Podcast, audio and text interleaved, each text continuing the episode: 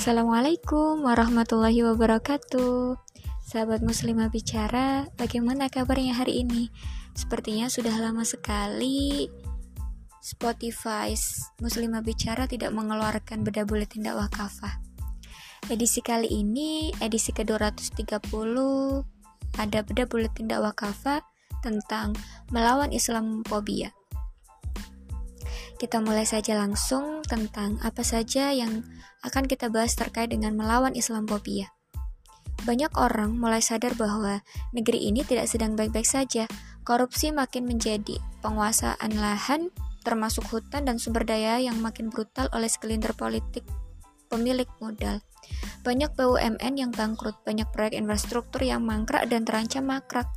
Infrastruktur yang sudah jadi pun ada yang tak berguna seperti Bandara Kertajati di Majalengka, ada juga infra infrastruktur yang kemudian terpaksa dijual atau berencana dijual, seperti beberapa ruas tol sebagaimana diwacanakan pemerintah. Persoalan lainnya, harga kebutuhan pokok masyarakat makin mahal. Yang terbaru, minyak goreng, padahal negeri ini penghasil kelapa sawit terbesar. Utang luar negeri makin menumpuk hingga mencapai ribuan triliun rupiah. Di dunia usaha, banyak pengusaha skala kecil dan menengah yang terpuruk. Banyak terjadi PHK, otomatis angka pengangguran pun makin tinggi.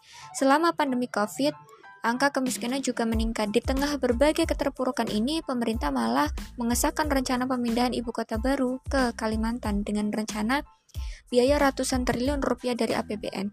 Tentu sebagiannya dari utang dan pajak rakyat.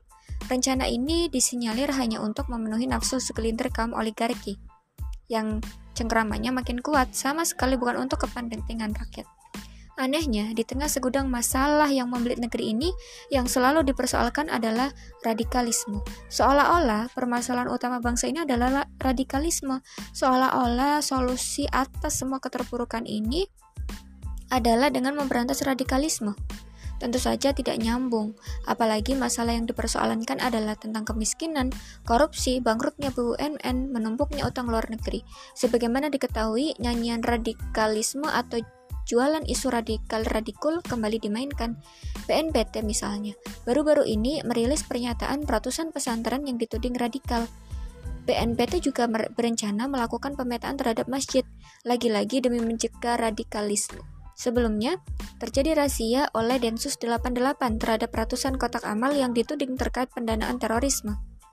Kemenak sebelumnya juga rajin berbicara tentang pentingnya moderasi agama yang tentu tidak jauh dari niat melawan radikalisme.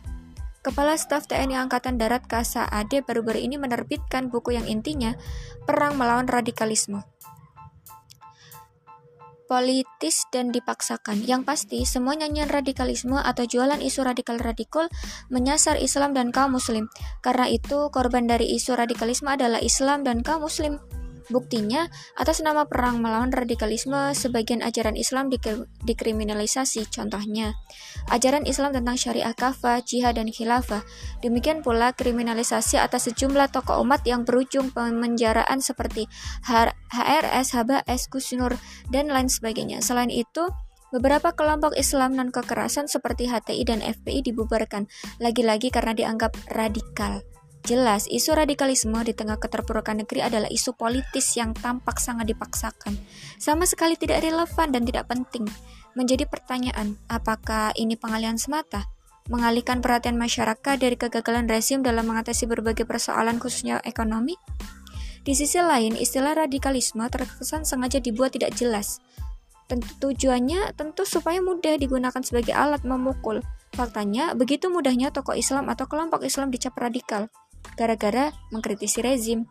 Karena itu, sudah seharusnya kaum muslim tidak terkecoh. Isu radikalisme tidak menggambarkan fakta dan peristiwa yang sesungguhnya. Ini jelas lebih bernuansa politis, tujuannya untuk memperkokoh rezim dan melemahkan sikap kritis umat. Radikal versus moderat. Dengan dalih untuk mencegah radikalisme, berbagai pihak kemudian mengkampanyekan moderasi agama. Moderasi agama secara garis besar adalah paham keagamaan yang moderat Moderat sering dilawankan dengan radikal. Kedua istilah ini bukanlah istilah ilmiah, tetapi cenderung merupakan istilah politis. Kedua istilah ini memiliki maksud dan tujuan politik. Sebab moderat adalah paham keagamaan Islam yang sesuai selera barat, sesuai dengan nilai-nilai barat yang notabene sekuler, memisahkan agama dari kehidupan. Sebaliknya, radikal adalah paham keagamaan Islam yang diletakkan pada kelompok-kelompok Islam yang anti barat. Mereka adalah pihak yang menolak keras sekularisme. Mereka inilah yang menghendaki penerapan syariah Islam secara kafah, Sejak peledakan gedung WTC 11 September 2001, Amerika, Seli Amerika Serikat telah memanfaatkan isu terorisme sebagai bagian dari skenario globalnya untuk melemahkan Islam dan kaum muslim tentunya.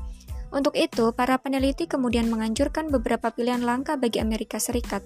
Salah satunya adalah mempromosikan jaringan Islam moderat untuk melawan gagasan Islam radikal. Lebih dari itu, dalam dokumen RAND Corporation 2006 bertajuk Building Moderate Muslim Network disebutkan bahwa kemenak kemenangan Amerika Syarikat yang tertinggi hanya bisa dicapai ketika ideologi Islam terus dicitra burukan di mata mayoritas penduduk di tempat tinggal mereka. Salah satunya dengan labelisasi radikal, fundamentalis, dan ekstremisme. Mantan Presiden Amerika Serikat George W. Bush, uh, w. Bush pernah menyebut ideologi Islam sebagai ideologi para ekstremis. Bahkan oleh mantan PM Inggris Tony Blair, ideologi Islam dijuluki sebagai ideologi setan. Hal itu dinyatakan dalam pidatonya pada konferensi kebijakan nasional Partai Buruh Inggris. Blair lalu menjelaskan ciri-ciri ideologi setan yang pertama, menolak legitimasi Israel. Israel. Yang kedua adalah memiliki pemikiran bahwa syariah adalah dasar hukum Islam. Yang ketiga adalah kaum muslim harus menjadi satu kesatuan dalam naungan khilafah. Yang keempat, tidak mengadopsi nilai-nilai liberal dari barat.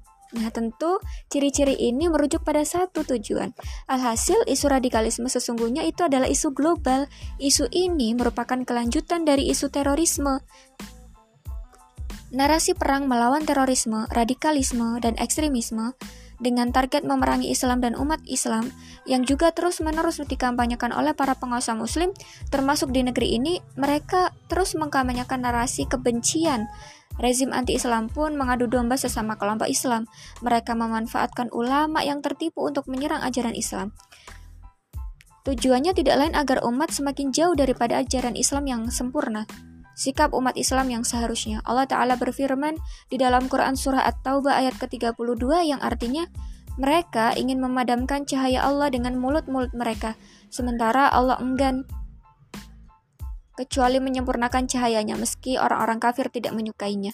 Melalui ayat ini, Allah mengingatkan kepada kita bahwa musuh Islam tidak pernah melewatkan satu pun kesempatan yang dapat mereka gunakan menyerang Islam.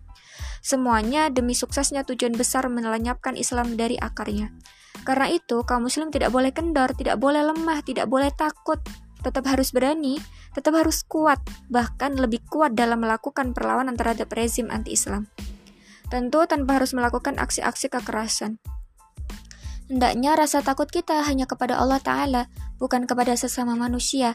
Inilah yang mendorong generasi salafus solih selalu lantang dan menyuarakan kebenaran dan dalam menentang para penguasa zolim.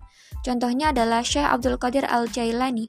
Ia pernah berdiri di atas mimbar mengoreksi kebijakan Khalifah Al-Muqtafi. Padahal ketika itu banyak orang diam, dibungkam rasa takut. Saat itu Khalifah Al-Muqtafi mengamah, mengamanahkan jabatan peradilan kepada hakim yang zolim. Syekh Abdul Qadir Al-Jailani menyampaikan kritik secara terang-terangan di atas mimbar masjid ketika Khalifah berada di hadapan sang panutan. Walai ta'alal muslimina atlamal talimina wa ma jawabuka adan inda rabbil alamin. Engkau telah mengangkat seseorang untuk kaum muslim yang paling zalim di antara orang-orang zalim. Lantas, apa jawabanmu esok hari di hari akhirat di hadapan Tuhan penguasa alam? Muhammad As-Salabi Asy-Syaikh Abdul Qadir Al-Jailani halaman 85. Itu semua ditegakkan tanpa kusar terhadap celaan orang-orang tercela. Laumata la'im. Sebagaimana terucap di masa kini di balik stigma negatif radikal. Allah Ta'ala berfirman di dalam Quran Surah Al-Ma'idah ayat ke-54 A'udzubillahi minasyaitonirrajim Bismillahirrahmanirrahim Yujahiduna fi sabilillahi wa la yakhafuna lawmata la'im Mereka tetap berjihad di jalan Allah dan tidak takut terhadap celaan orang yang suka mencela Bukankah Rasul dan para sahabat pun telah mencontohkan keberanian dan sikap teguh menghadapi berbagai tantangan dakwah? Karena itu, janganlah kita takut kepada makhluknya dan dengan mendurhakainya. Mendurhakai Allah Ta'ala ini merupakan sebab kebinasaan, sebagaimana yang terjadi pada kaum terlaknat yaitu kaum Ad. Allah Ta'ala menginformasikan bahwa di antara sebab kebinasaan mereka adalah memenuhi syahwat rezim yang bertindak sewenang-wenang. Ingatlah, makhluk itu fana, kekuasaan mereka pun binasa. Sebaliknya Allah Ta'ala lah pelindung yang setia. Wa alam bisawab. Hikmahnya Rasulullah SAW bersabda, Manita ridha Allahi bisa bisahotin nas kafahuwahu mu'natan nas. Wa minat tamassa ridha'an nasi bisakhatillahi wa kalahu wahu ilan nas. Siapa saja yang mencari keridhaan Allah, meskipun mendatangkan kemurkaan manusia, Allah akan mencukupkan dia, dia, dia dari bantuan mereka. Siapa saja yang mencari keridhaan manusia dengan mendatangkan kemurkaan Allah, Allah akan menyerahkan dia kepada manusia. Hadis riwayat Tirmizi. Masya Allah, tabarakallah, jazakumullah khair.